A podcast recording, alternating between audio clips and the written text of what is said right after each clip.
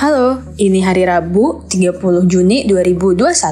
Selamat datang di episode ke-32 dari Listen Up, podcast mingguan dari Catch Me Up yang akan merangkum berita-berita terkini dari berbagai isu buat kamu.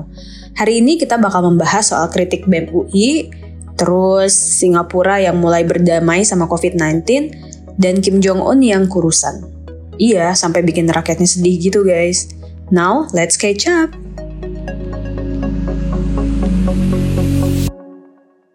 Melalui akun Twitter @bemui_official, mereka mengunggah foto Presiden Jokowi dengan mengeditnya menggunakan mahkota di kepalanya.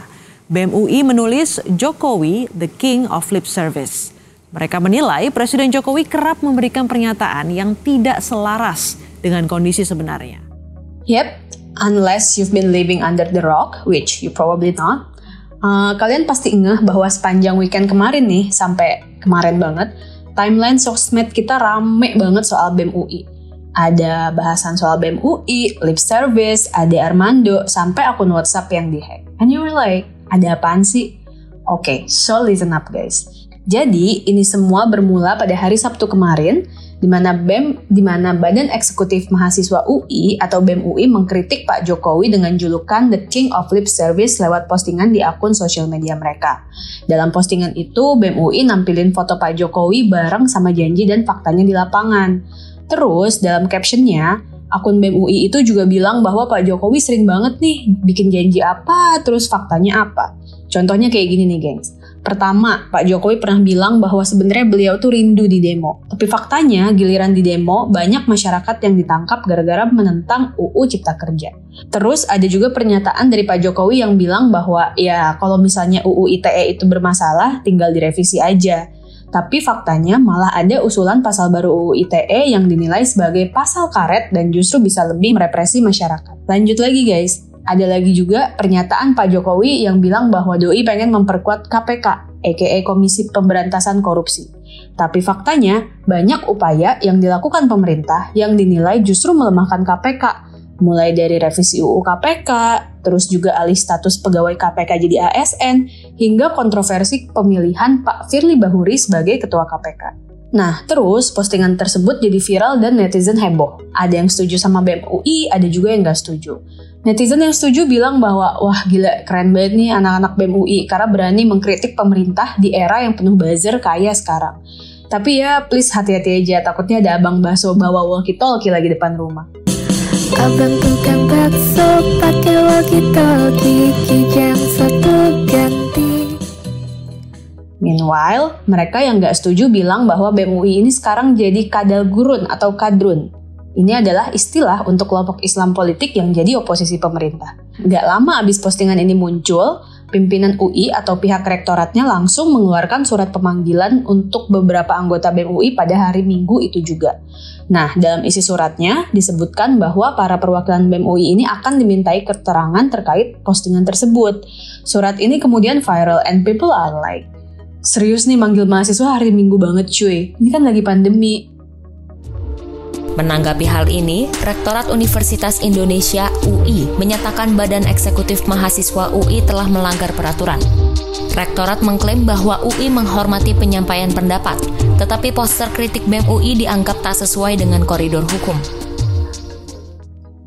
Nah, menurut Kepala Biro Humas dan Keterbukaan Informasi Publik Rektorat UI Amelita Lucia, kritikan BEM UI melalui meme ini emang kurang tepat caranya. Soalnya presiden itu simbol negara, Terus kalau soal dipanggilnya hari Minggu atau hari libur ya menurut Amelita sih karena kejadiannya bersifat urgent dan merupakan bagian dari proses pembinaan kemahasiswaan di UI.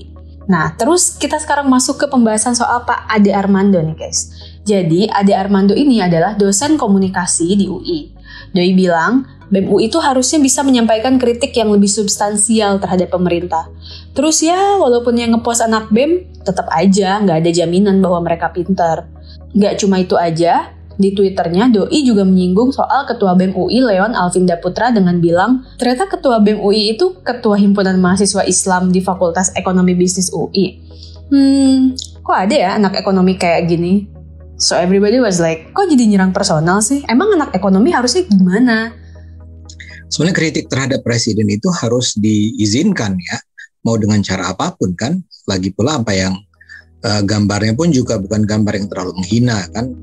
Aduh, ada-ada aja ya guys. Belum lagi soal dugaan WhatsApp yang dihack.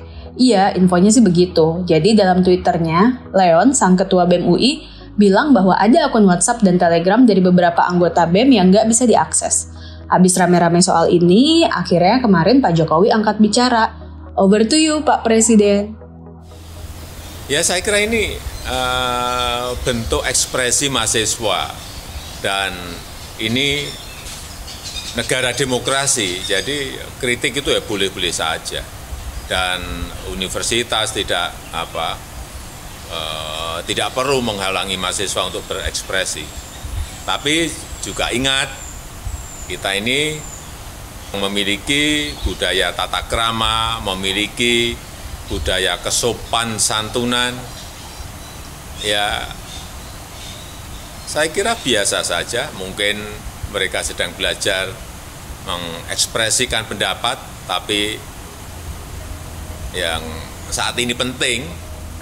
Ya. Terus untuk nasib para anggota BEM tadi, enggak, Kemendikbudristek udah memastikan kok bahwa mereka nggak akan disanksi. One day, this global pandemic will subside. But I do not expect COVID 19 to disappear. It will remain with humankind and become endemic.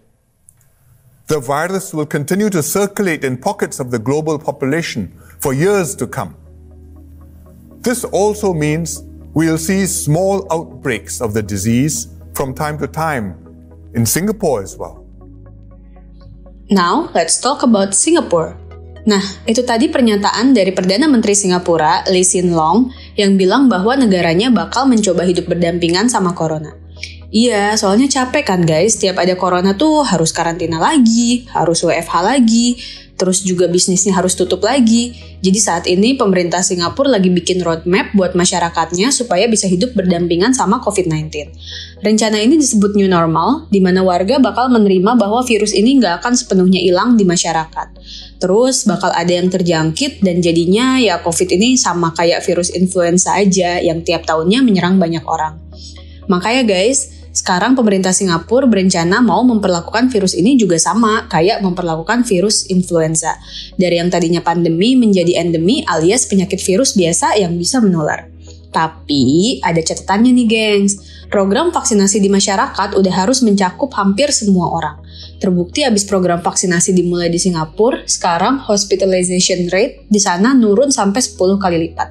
Terus tracing dan testing juga harus terus dilaksanakan, nggak pakai kendor. Nah, adapun new normalnya adalah kerumunan publik udah bakal diperbolehkan dan bisnis bakal berjalan kayak pre-COVID-19. Selain itu banyak yang komen nih, masa karena capek doang ngadepin pandemi terus langsung mau memperlakukan new normal gitu aja? Well, menurut ahli kesehatan masyarakat Singapura Profesor Theo Yek Ying, ini bukan soal angkat restriction sekarang atau nanti. So I think it's important to remember that the measures that we put in place actually have kept the situation under control for the past 12 months since we ended the circuit breaker.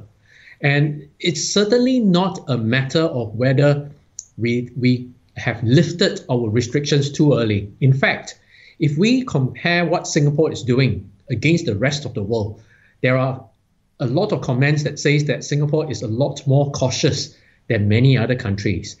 And in May, which is uh, last month, there were several news reports from other countries talking about how Singapore is tightening up again because we have another wave of community outbreak. Whereas in countries like the United Kingdom and the United States, they are actually started lifting many of their restrictions.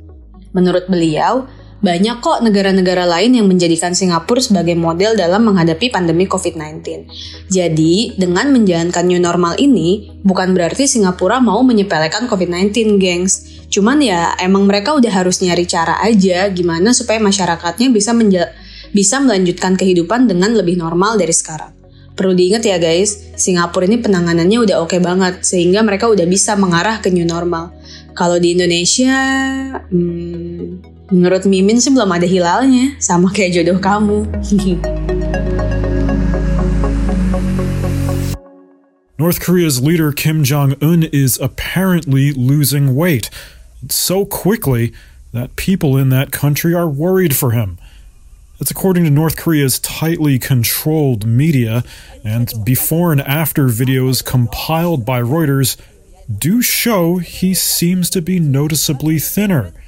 For example, earlier this month, North Korean TV aired footage of Kim attending a party meeting but a different video that's said to be from only about four months earlier in February and is shot from the same angles shows a different figure.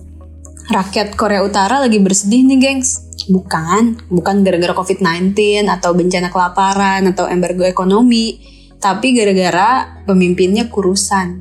Yep, you heard it right. Jadi minggu lalu, channel TV resmi di Korea Utara namanya KCTV menayangkan wawancara dengan salah satu warga di ibu kota Pyongyang.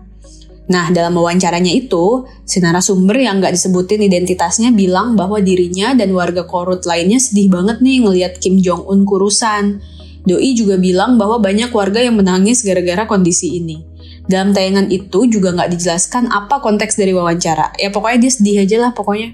Nah, terus tayangan ini tentunya bikin para pengamat internasional heboh secara Korut terkenal sangat sekretif dalam menginfokan kondisi kesehatan pemimpinnya.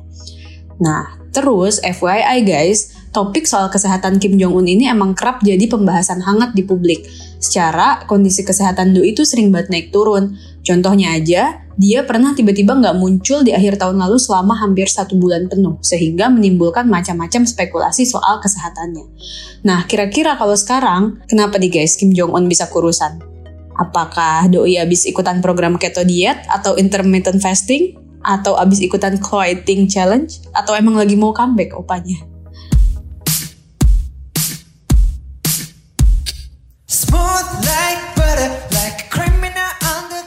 Yap, demikian di Senap hari ini. Sampai jumpa di hari Jumat.